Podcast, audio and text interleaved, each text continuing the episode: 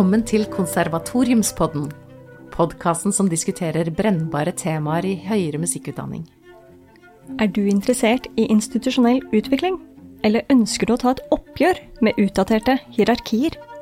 Kanskje er du nysgjerrig på hva det snakkes om i gangene på et konservatorium?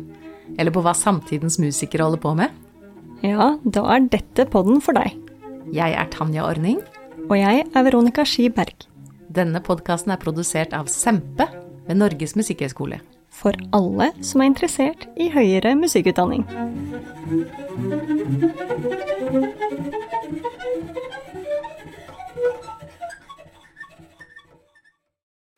I denne episoden skal vi snakke om studentstemmen, eller nærmere bestemt musikkstudentstemmen.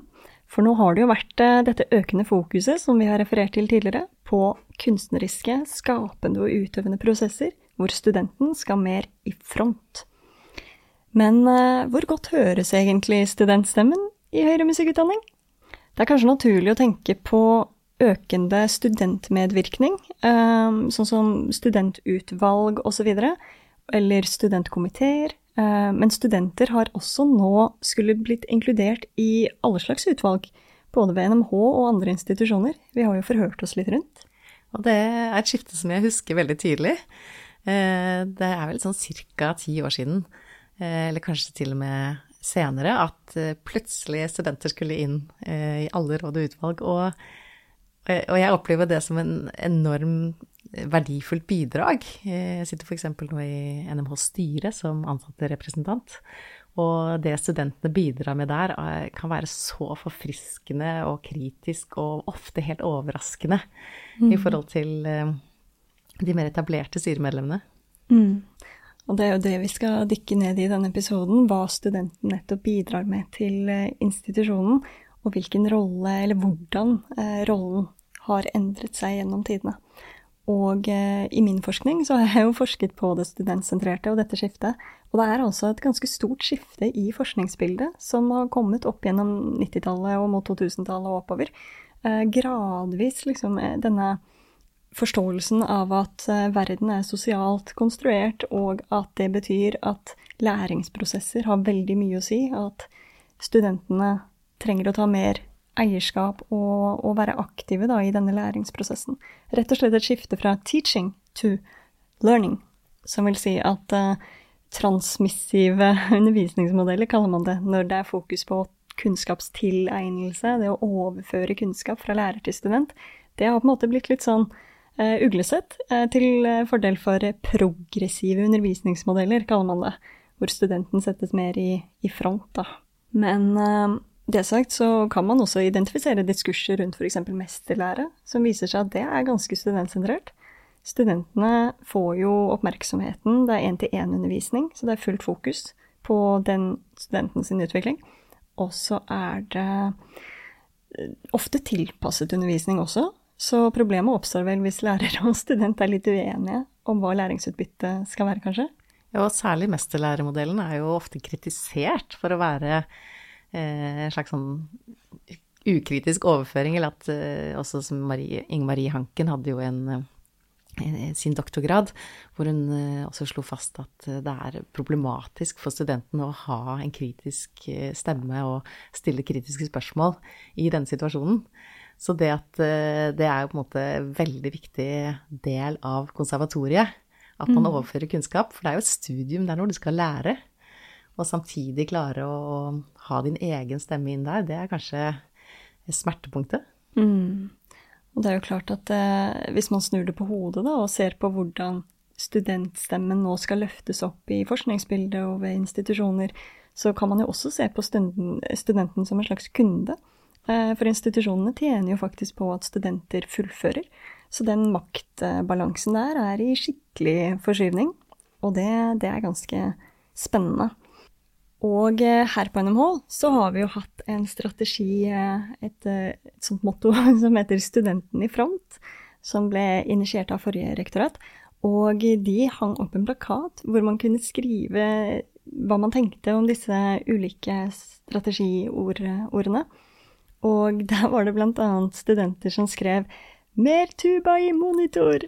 Og det, det kan jo ha vært en spøk. Eh, eller faktisk sant, da, man skal jo kunne høre sitt eget instrument. Og andre skrev mer sjangerbryting, eller at pedagogene skulle ønske at pedagogene var mer åpne for diskusjon. Og eh, mitt favorittsitat Kunnskapen studenten kan akkumulere, skal ikke begrenses av lærerens kunnskap og ressurser. Lærere er tidligere studenter. De kan fortsatt lære seg selv nye ting. Ja, det med livslang læring er jo helt sentralt både for studenter og lærere. Ja, absolutt. Det er, eh, det er, også noe som går i forskningsbildet rundt undervisning. At vi skal faktisk måtte tilpasse oss den tiden vi lever i, og lære. Så for å finne ut mer da, om eh, denne endrende den rollen som er i endring i eh, høyere musikkutdanning, så har vi bl.a. med oss en gjest som har mye erfaring som studentrepresentant. Og vi dykker selv ned i hvordan vi har forsket på det studentsentrerte, og hvordan vi underviser på studentsentrert vis. Og ikke minst så skal vi også snakke om hva som rører seg ved institusjonene i, i Norge og i Europa. Men aller først har vi som vanlig snakket med en rekke folk her på huset, studenter og professorer, for å høre hva de mener om studentstemmen.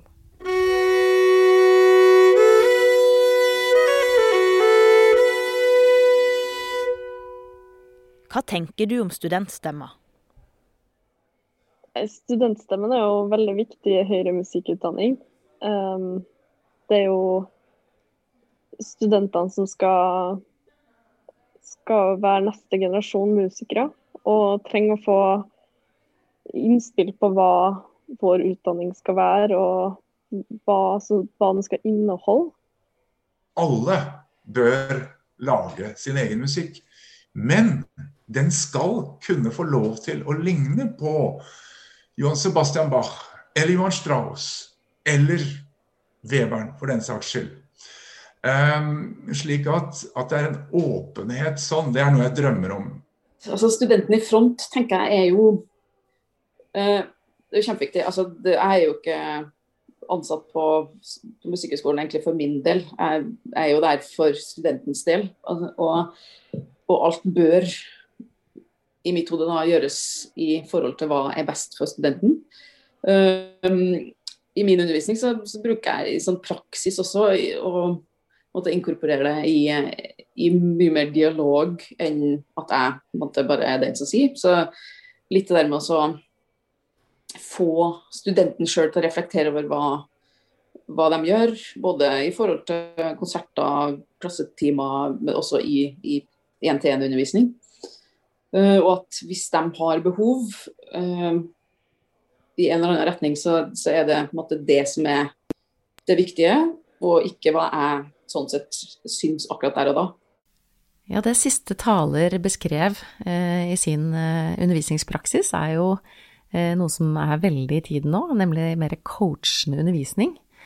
Så vi snakket jo mesterlære her i stad, og det er jo ikke tvil om at vedkommende er en mester på sitt instrument, eh, som har masse å lære bort til studentene, men samtidig at hun går i den dialogen og, og tilpasser det til studenten. Det er eh, eh veldig interessant å høre, for dette er jo et sånt skifte.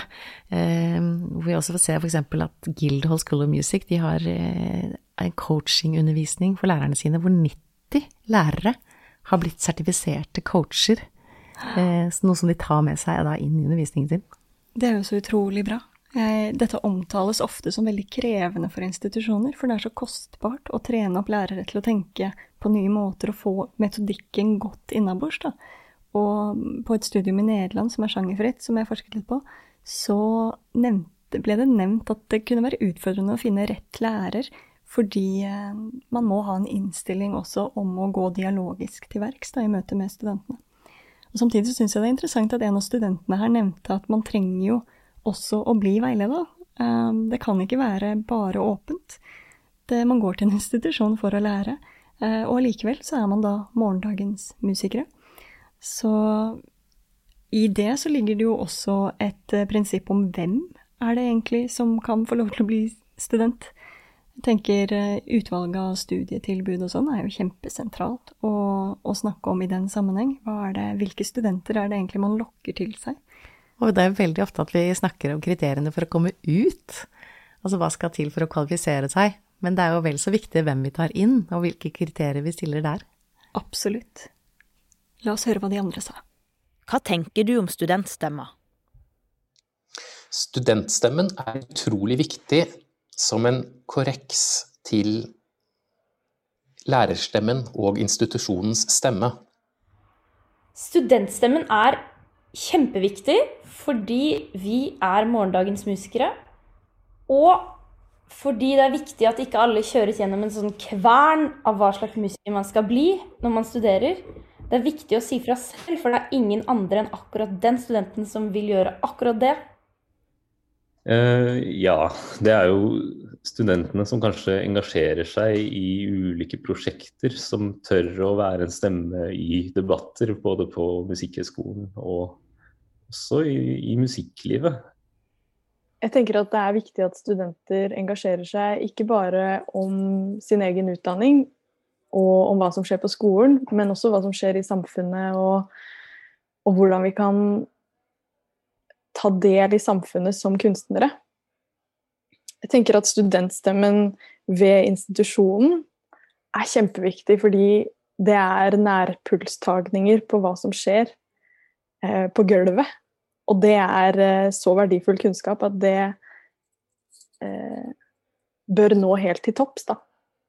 Ja, studentene holder pulsen på samfunnet på en helt annen måte enn de etablerte strukturene ved institusjonene trenger å gjøre. Det er jo studentene som skal ut i arbeidslivet etterpå. Og eh, det fins jo så mange kule eksempler på studentdrevne eller alumnidrevne prosjekter som fremdeles eh, eksisterer i dag. Ja, det er jo en haug med band og ensembler som startet eh, ved NMH. F.eks. Poing, Nordic Harmony, Allegria, Asimissimasa, Oikos. Mange, mange andre. Mm.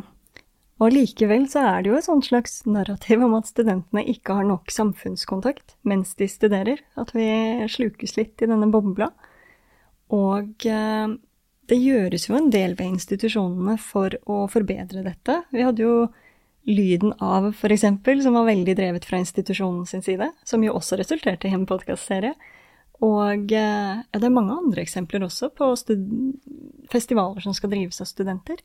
Ja, vi har jo eh, den som heter Serendip, som er jazzavdelingens eh, festival. Det er kanskje den eldste studentdrevne festivalen her. Og senere så har jo folkemusikerne laget Ljosblått. Og de klassiske har Coffee Schmoffy, som er en eh, kammermusikkfestival. På Baratua har de jo Fagerborg-festspillene, som er helt strålende eksempel på på en festival som foregår over flere år, eller at det er en del av faget, faktisk, entreprenørskap. Så, så dette med å, oppfordre studentene til å drive selv, og, og, få dem til å forholde seg til budsjett, markedsføring, publikum og alt det innebærer, er jo virkelig kontakt med samfunnet, vil jeg si. Mm. Jeg tenker på sånne Renew-prosjektet, som gikk for en tid tilbake, er jo også et eksempel på dette. Og nye studieprogram setter jo også økt fokus, sånn som NoCom f.eks. Og, og der hvor musikerne er sett på som både skapende og utøvende, som å organisere egen arbeidshverdag, da. Og noe jeg syns er litt sånn komisk i dette, er jo paradokset mellom at det er økende individualisering på liksom din stemme og deg som individ skal frem, og samtidig så kreves det øk, økte former for samarbeid og, og, denne symbiosefunksjonen mellom studenter og lærere og institusjoner og arbeidsmarkedet. Og vi står liksom midt oppi den spagaten igjen, da, um, mellom dualiteter, og at man klarer å se begge ender av spekteret på en ny måte. Så det og mer skal vi snakke mer om om litt. Eh, da blir det studentdrevne prosjekter på menyen, og eh, hvilken rolle alumni kan spille i høyere musikkutdanning fremover. Og ikke minst skal vi snakke mer om min favoritt, som er eh, forskyvning av makten, og hva dette egentlig betyr. Men aller først så skal vi ta et intervju med vår gjest, som har god fartstid som studentrepresentant.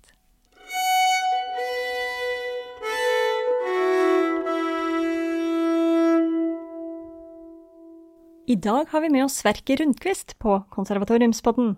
Sverker, du har jo studert ved Norges musikkhøgskole siden 2016 som kontrabassist på det utøvende bachelorstudiet i klassisk musikk. Du har også god fartstid som studentrepresentant, både i styret ved NMH og som tidligere leder for studentutvalget, altså SUT. Ved siden av studiene har du jobbet som utøver, og du har også stiftet produksjonsfirmaet Klassisk Produksjon, som gjennomfører opptak av klassisk musikk med fokus på autentisitet og tidløshet. Men i dagens intervju, da skal vi snakke om hvilken rolle studentstemmen spiller i høyere musikkutdanning. Velkommen! Ja. Yes. Spennende. Så hva er egentlig studentstemmen? La oss definere litt, litt grann før vi begynner. Hvilke assosiasjoner får du? Ja, altså um, Vi snakker jo ofte i, i liksom singular, men er jo, studentstemmen er jo egentlig Det er mange stemmer. Uh, altså like mange som student, studentene, liksom. Men, men eh, det, vi, det, som er greia, er vel at det er jo ikke stemmen i klasserommet som svarer på spørsmålet, men heller, heller stemmen som snakker om hvordan eh, Liksom på et mer overordnet nivå, da om hvordan studiene er, både så klart i klasserommet, men også utenfor klasserommet. Dette er jo en veldig sentral stemme, det er jo derfor vi har eh, tatt det frem som en del av Sempe sitt sentrale arbeid. Og du som har eh, litt fartstid og vært rundt omkring på institusjonen i ulike roller som studentrepresentant, hvordan opplever du at man best kan få tak i studentstemmen? Altså hvordan kan man best høre, få denne stemmen til å bli tilstedeværende overfor institusjonen? Altså det, det, det, er jo samme der. Det er jo sikkert uh, like mange måter på å få frem frem som det er studenter igjen, da. Uh, men jeg tror det handler om å ha en god blanding. Uh, mange, mange måter og en god blanding av, av formelle og uformelle, lavterskel og høyterskel, altså anonyme og hva skal vi si, altså individ eh, stemmer. Mm. Altså at, man, at, det, at, man, at det finnes mange ulike måter på, både som studentene føler at de kan bli hørt på, eh, men også at institusjonen lytter i forskjellige arenaer på på forskjellige nivåer og forskjellige måter. Og, og, liksom tydelige spørsmål vise at man lytter. Hvis man nå først er inne i et, i et sammenheng hvor man faktisk har lyst til å høre hva en student sier. At, man, at det er tydelige spørsmål. Eh, for noen ganger så, det, så kan det hende at at vi som studenter, som jo ofte er Hvis man snakker om en hierarkien, som ofte er, de Vi er de yngre, vi er de som er her kort tid, vi er eh, liksom Og i det så finnes det jo en, en, en, et maktforhold, da. Men i det så er det jo lett å tenke at man, at man For man har, en, man har kanskje en tillit til, til, eh, til lærere, til administrasjon, og da tenker man at nei, men dette høres veldig rart ut, men det er, det er, sikkert en tanke med det. Det er sikkert en plan for hvordan dette skal bli. Og derfor så, så, så tenker man ikke over det, eller man kanskje ikke stiller spørsmål ved det.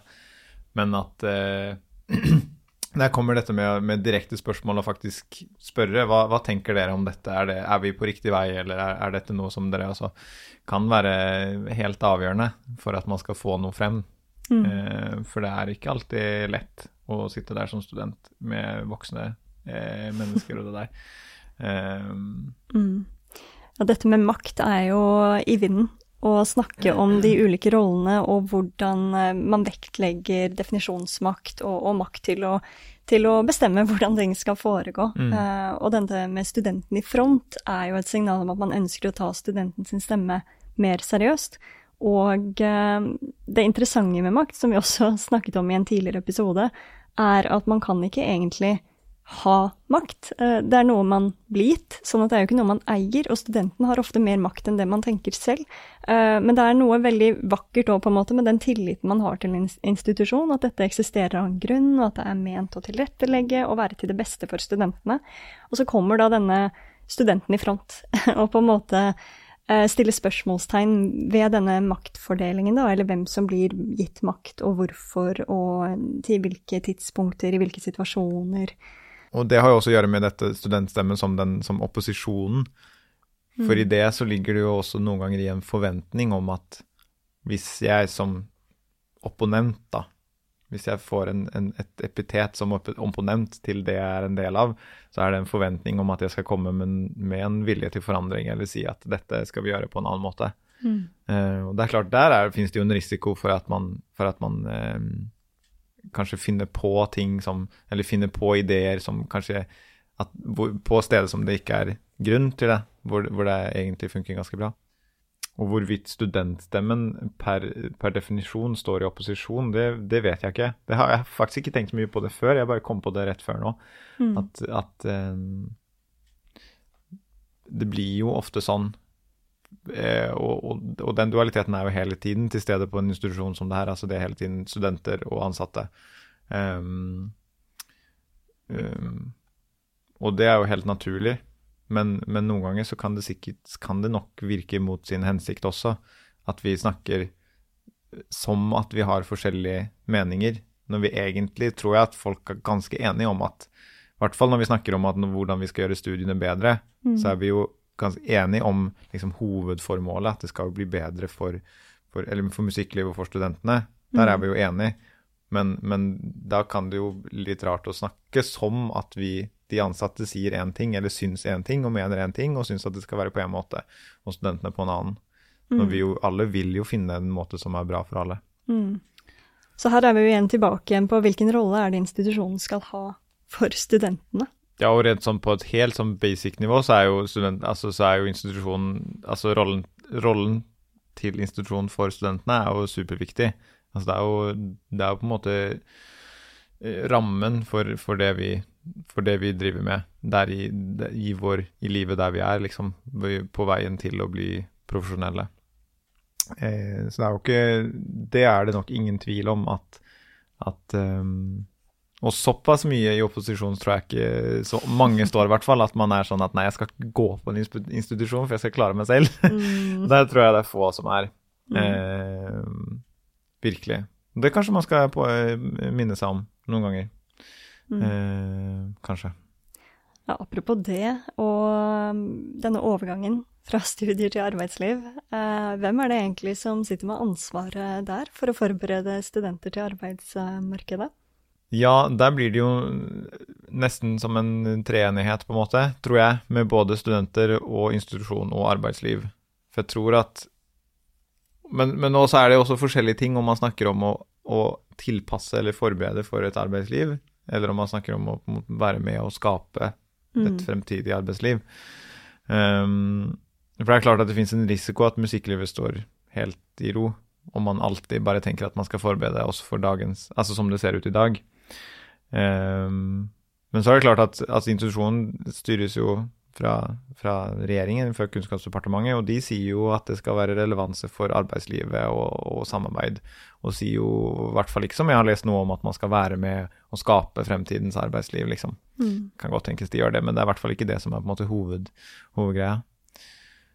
Um, men jeg tror det fins uh, Ansvaret ligger nok på oss alle på forskjellige måter. Altså, nye, Nyutdannede studenter er jo veldig effektiv å forandre på effektiv måte å forandre på, for vi har liksom vært inne i en institusjon hvor, det, hvor alt er lov, og det prøves ut mye, og det forskes, og det, det, vi får ny input og alt det der, og når vi først kommer ut, så er vi, tror jeg, ofte liksom litt, kanskje litt gira og litt sånn ny energi. Men, men hvis ikke det finnes en vilje til å utvikles fra, fra det profesjonelle livet fra før av, så er det jo veldig vanskelig som student å komme der og mm. tro at man skal forandre verden på. Men der tror jeg institusjonen kommer inn og kan være en brygge mellom, mellom studentene og arbeidslivet. Og, og, liksom for å fasilitere samarbeid og som kan få det til å bli fruktbart, da. Mm. Og så, så, blir det også spørsmål om hvor dynamisk institusjonen skal være. Altså skal man, skal, man, eh, skal institusjonen snu seg etter alle ønsker, og det Eller ja, det var jo det, Svaret på det er jo nei. Eh, det var liksom, kanskje litt mm. dumt sagt, men, men eh, for noen ting vil jo alltid variere fra student mm. til student, eh, mens noen ting vil være det samme. Men det er jo ikke så dumt sagt heller, fordi hvis studentstemmen påpeker at det finnes andre stemmer også, ja. i, i, lys av sin egen definisjon, på en måte, så blir jo også baksiden av det Men hvilken rolle skal institusjonen spille for studenten? Mm. Og der er vi inne på den dynamikken da, mellom, mellom student og institusjon, og hvor dynamisk og fleksibelt skal egentlig denne relasjonen være, mm. og, og, hva skal studenten gjøre for institusjonen, og hva skal institusjonen gjøre for studenten. Og som du påpeker, så er jo studenter veldig forskjellige. Uh, og det er jaggu institusjoner og uh, ja. lærere også.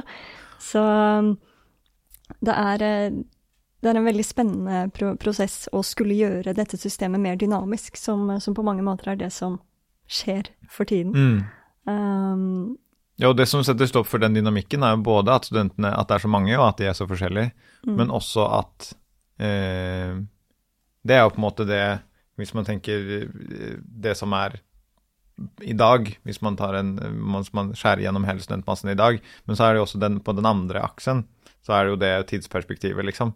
At, at uh, ting har blitt som det er i dag, over lang tid også.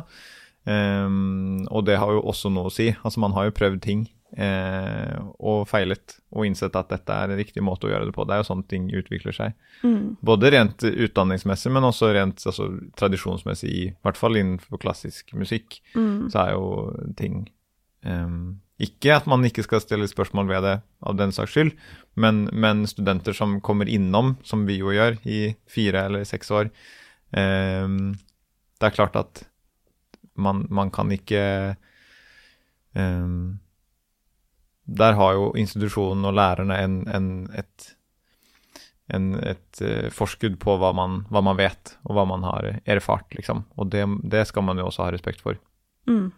Og det tar tid å bygge opp institusjoner. Og jeg har, eh, jeg har på følelsen, og eh, fra tidligere feltarbeid, sett at eh, en del lærere kan være litt, om ikke redde, så, så skeptiske til at man skal kaste ut alt det gamle i, Mm. i favør av nye ting, på en måte. Mm.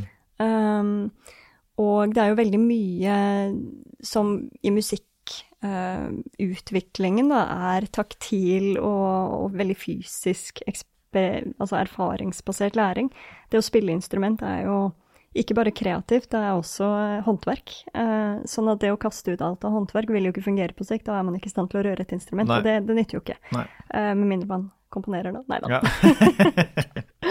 Men alle Nei da, det er håndverk der også, og, og det er alltid en kombinasjon av de to. Mm. Sånn at fra institusjonssiden så, så har jeg opplevd at det kan være noe motstand til disse nye, nye trendene og signalene om at nå skal eh, alt kastes ut med badevannet, på en måte. Mm. Um, fordi eh, det er veldig mye som fungerer, og, og musikk er jo tross alt veldig fysisk, og det er veldig mye lærdom bare i det å imitere noen som spiller et instrument på en måte som du Wow, dette har jeg også lyst til å få til på denne måten, eller altså Vi er jo inspirert av hverandre, eh, Mm. og forhåpentligvis så er studenter også ser opp til lærerne sine og velger å studere med den læreren som de, som de synes er inspirerende. Mm.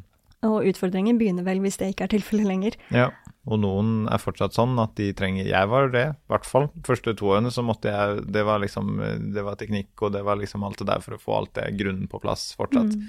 Mens noen er kjempeferdige allerede når de begynner bachelor og har masse ideer om hva de skal finne på, og alt der.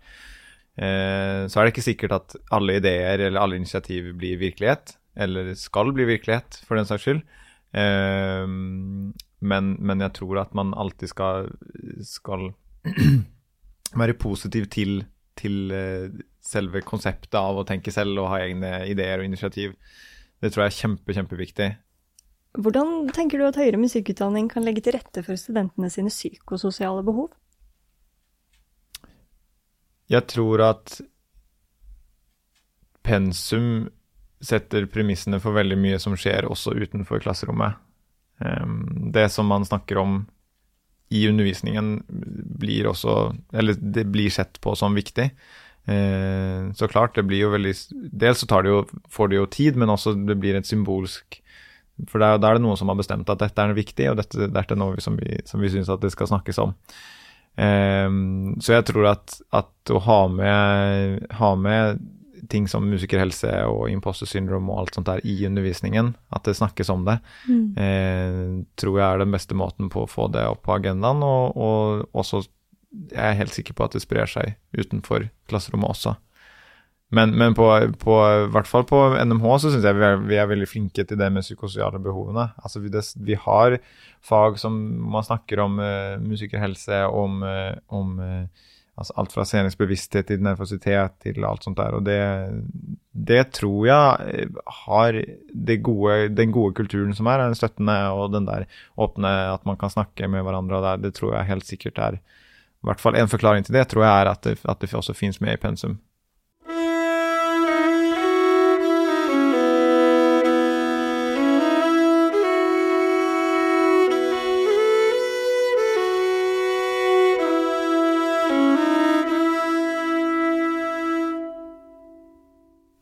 Studentstemmen er mer enn én stemme. Det er jo kjempeviktig å huske på. Studenter er jo veldig forskjellige, og de trenger forskjellige ting. Og det er jo faktisk lærere også.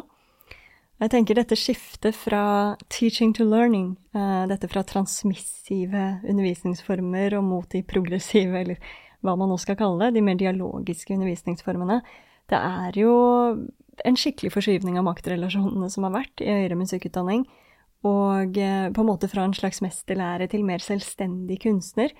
Og så tenker jeg at det kanskje er greit at man har begge deler. At, eh, at man får lov til å romme alt. Og en ting jeg har vært opptatt av i i min forskning, er at vi kan risikere at en ny norm utvikler seg for hva det vil si å skulle være en god student, og så ender man egentlig opp med at det å være student er like ensidig som det var før. Og det er en ganske skummel fallgruve når vi retter eh, blikket da, mot nye former. Jeg tror det er viktig at man fremdeles holder på det mangfoldet, da. Det er skummelt hvis studentstemmen omtales som kun én ting. Men eh, makt er jo flytende, da. heldigvis, og vi har alle definisjonsmakt, så vi har alle mulighet til å påvirke hva vi tenker at en student er og skal være. Så noe av enden på viset er jo at eh, studenter må tale for seg, og så, må vi lytte og være i dialog, da. Og institusjonene jobber ganske aktivt med dette nå. Eh, Sempa har gjort masse de siste årene. Ja, Sempa har jo en rekke studentdrevne prosjekter, eh, som jo også viser et stort mangfold. Vi har f.eks. Ensemble 3030, som er et samtidsmusikkensemble startet av studenter. Vi har Jobbskyggeprosjektet, der en student følger en valgt profesjonell i dens virke. Er med på jobb, rett og slett, og ser hva som skjer.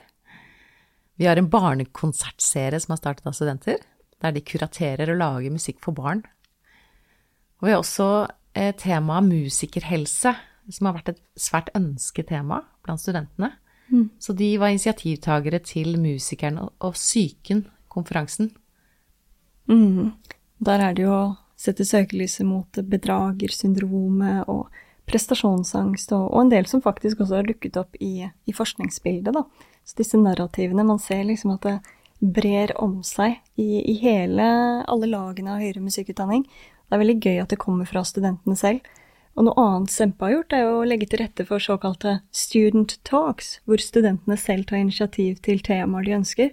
Og da er det mye av disse sjangerkrysningene og den type ting. Men eh, studentene har også selv eh, gjennom studentutvalg oppmuntret til debatter rundt det grønne skiftet ved institusjonen, og da musikerhelse, som, som du nevnte. Og ikke minst så har det vært eh, en nasjonal musikkstudentkonferanse. Det er kjempespennende hvor studenter fra hele landet samles for å spørre, stille spørsmål rundt uh, overgangen til arbeidslivet, f.eks., og, og miljø og klima, og pandemien, ikke minst. Så det har vært kjempespennende å se hva som faktisk kommer direkte fra studentene selv, og jeg tror det er viktig å ha plattformer for det. Jeg gleder meg til å følge musikkstudentkonferansen fremover. Um, tilbake i tid så ble det jo annet etterspurt uh, nye definisjoner av suksess. Og eh, mye fordi at studentene opplevde at mange nyhetssaker ved institusjonene var ganske ensidige på hva det ville si å lykkes som musiker. Og institusjonene tar det jo til seg, da. Det jobbes med å utvikle nye program, f.eks. Ja, og dette one size fits all, eh, altså er det virkelig ett program eh, som passer eh, massen av studentmassen? Det er jo eh, virkelig ikke slik det er nå, med alle de forskjellige stemmene og det mangfoldet. Og dette med å skreddersy eh, de ulike studiene har jo eh, rett og slett skjedd i eh, institusjonen her ved at vi har laget FRIKA-studiet og FRIMA-studiet, det frie kandidatstudiet og det frie masterstudiet, hvor studentene kommer inn på sitt eget personlige prosjekt, som får en helt egen studieplan, hver student. Og det er jo rett og slett et studie som tar inn eh, folk som ikke passer inn i andre studieprogram, og som dermed representerer stort eh, mangfold bare i seg selv. Eh, og planen er jo at dette skal eh, utvide seg og blø inn i alle de andre eh, studiene, sånn at vi skal få et mer fleksibelt studium også i de andre studieprogrammene. Men dette at studentene etterspør mer mangfold i studentmassen, er jo eh, en veldig interessant ting. For det handler jo også om et statlig krav Mm, absolutt. Det er I institusjonell teori så snakker man om noe som kalles institusjonell legitimitet. Og det er akkurat slik det høres ut som. Hva er det som skal til for at du oppleves uh, som legitim som institusjon? Og et av de kravene som stilles nå fra statlig hold, er jo nettopp mangfold og overgangen til arbeidsliv. At det legges til rette for en mer fleksibel, uh, mer livslang læring og studier som, som, støtter opp om disse prinsippene som, driv, som drives frem da, i samfunnet akkurat nå. Og AIC, som er denne fellesorganisasjonen for europeiske høyere musikkutdanningsinstitusjoner, har annet også en podkast hvor de snakker om learner agency. Og hvis man ser på nettsidene til ulike institusjoner, så kryr det av ulike ord, eh, ordspill som beskriver nettopp dette med at studenten skal ta mer eierskap over egen læring. Og AIC hadde jo også dette prosjektet Renew, som jeg var med på, eh, som handler om hvordan musikkutdanningen må speile musikklivet. Og da var vi lærere fra seks land som møttes jevnlig med studenter. Og vi eksperimenterte med nye læringsformer og nye undervisningsformer. Og jeg har også lyst til å nevne NoCom, eh, som er en Music Performance Nordic Master. Eh, The Composing Musician, der studentene har ett semester i de ulike nordiske landene. Og en parallell til Frika og Frima er jo også eh, det de har på rytmisk, RMC, i København. Rytmisk musikkonservatorium, hvor studentens eget prosjekt driver studiet framover. Så dette ser vi nå er en trend, at man skreddersyr eh, studieløp, eh, men ikke minst også fokusere på studentenes egen drive og deres egne prosjekter istedenfor en mer generisk studieplan. Mm. I prosjektet mitt spurte jeg bl.a. om hva fremtidens høyere musikkutdanning kom til å være, og blant svarene så var det en kontekstualisert og liksom globalisert Eh, studietilbud for musikkstudenter. Så det er gøy, eh, disse studieprogrammene som allerede eksisterer, hvor man hopper faktisk fra land til land, og altså oppmuntrer til den form for um, Det er studenten som er fellesnevneren, og ikke institusjonene, på en måte. Så men det er krevende, da. Det er kostbart, og det krever mye trening også å gå fra en undervisningsmodell man kjenner, til nye former. For når studentrollen endrer seg, så vil jo det også kreve at lærerrollen endrer seg. Ja, dette blir spennende fremover, for etterutdanning av lærere er jo et veldig eh, stort tema. Eh, at vi trenger videreutdanningstilbud for lærere. For utfordringen med maktforskyvningen er jo om kan studenten få for mye ansvar? Det tror jeg. Jeg tror faktisk det.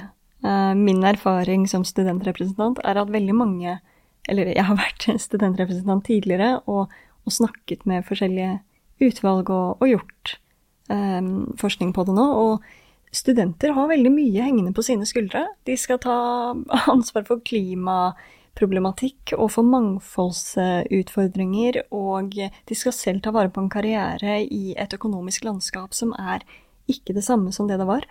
Så jeg tenker at det er veldig viktig at lærere også får eh, ikke bare ta del i, men blir tilrettelagt for i dette skiftet mot livslang læring, og at dette gjelder alle generasjoner. Eh, og at vi sammen må stå om å forvalte musikk, slik som også Sverker pekte på tidligere i gjesteintervjuet. Her er det altså ja, et skifte som krever mye, men eh, vi er håpefulle.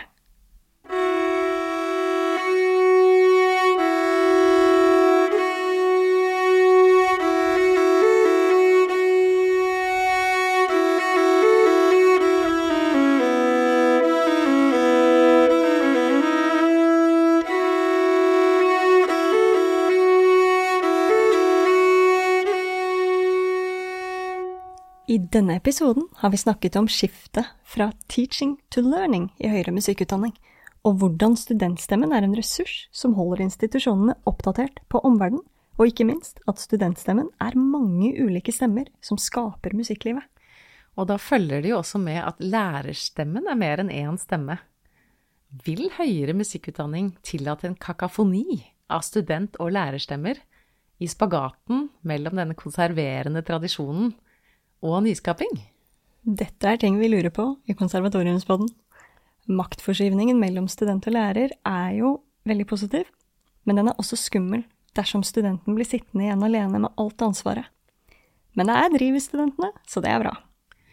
Og vi har sett at studentrollen er i endring, men det er jo også høyere musikkutdanning generelt. Og i dette må vi ta vare på hverandre. Studentene er veldig forskjellige, og det er også lærere. Så vi må alle ta ansvar for å skape en fremtid som forvalter musikken i samfunnet. Ja, og det er det vi skal snakke om i neste episode, nemlig hva fremtiden vil kunne bringe for høyere musikkutdanning, eller snarere tvert imot, og det musikklivet vi alle er en del av. Altså fremtidens musiker.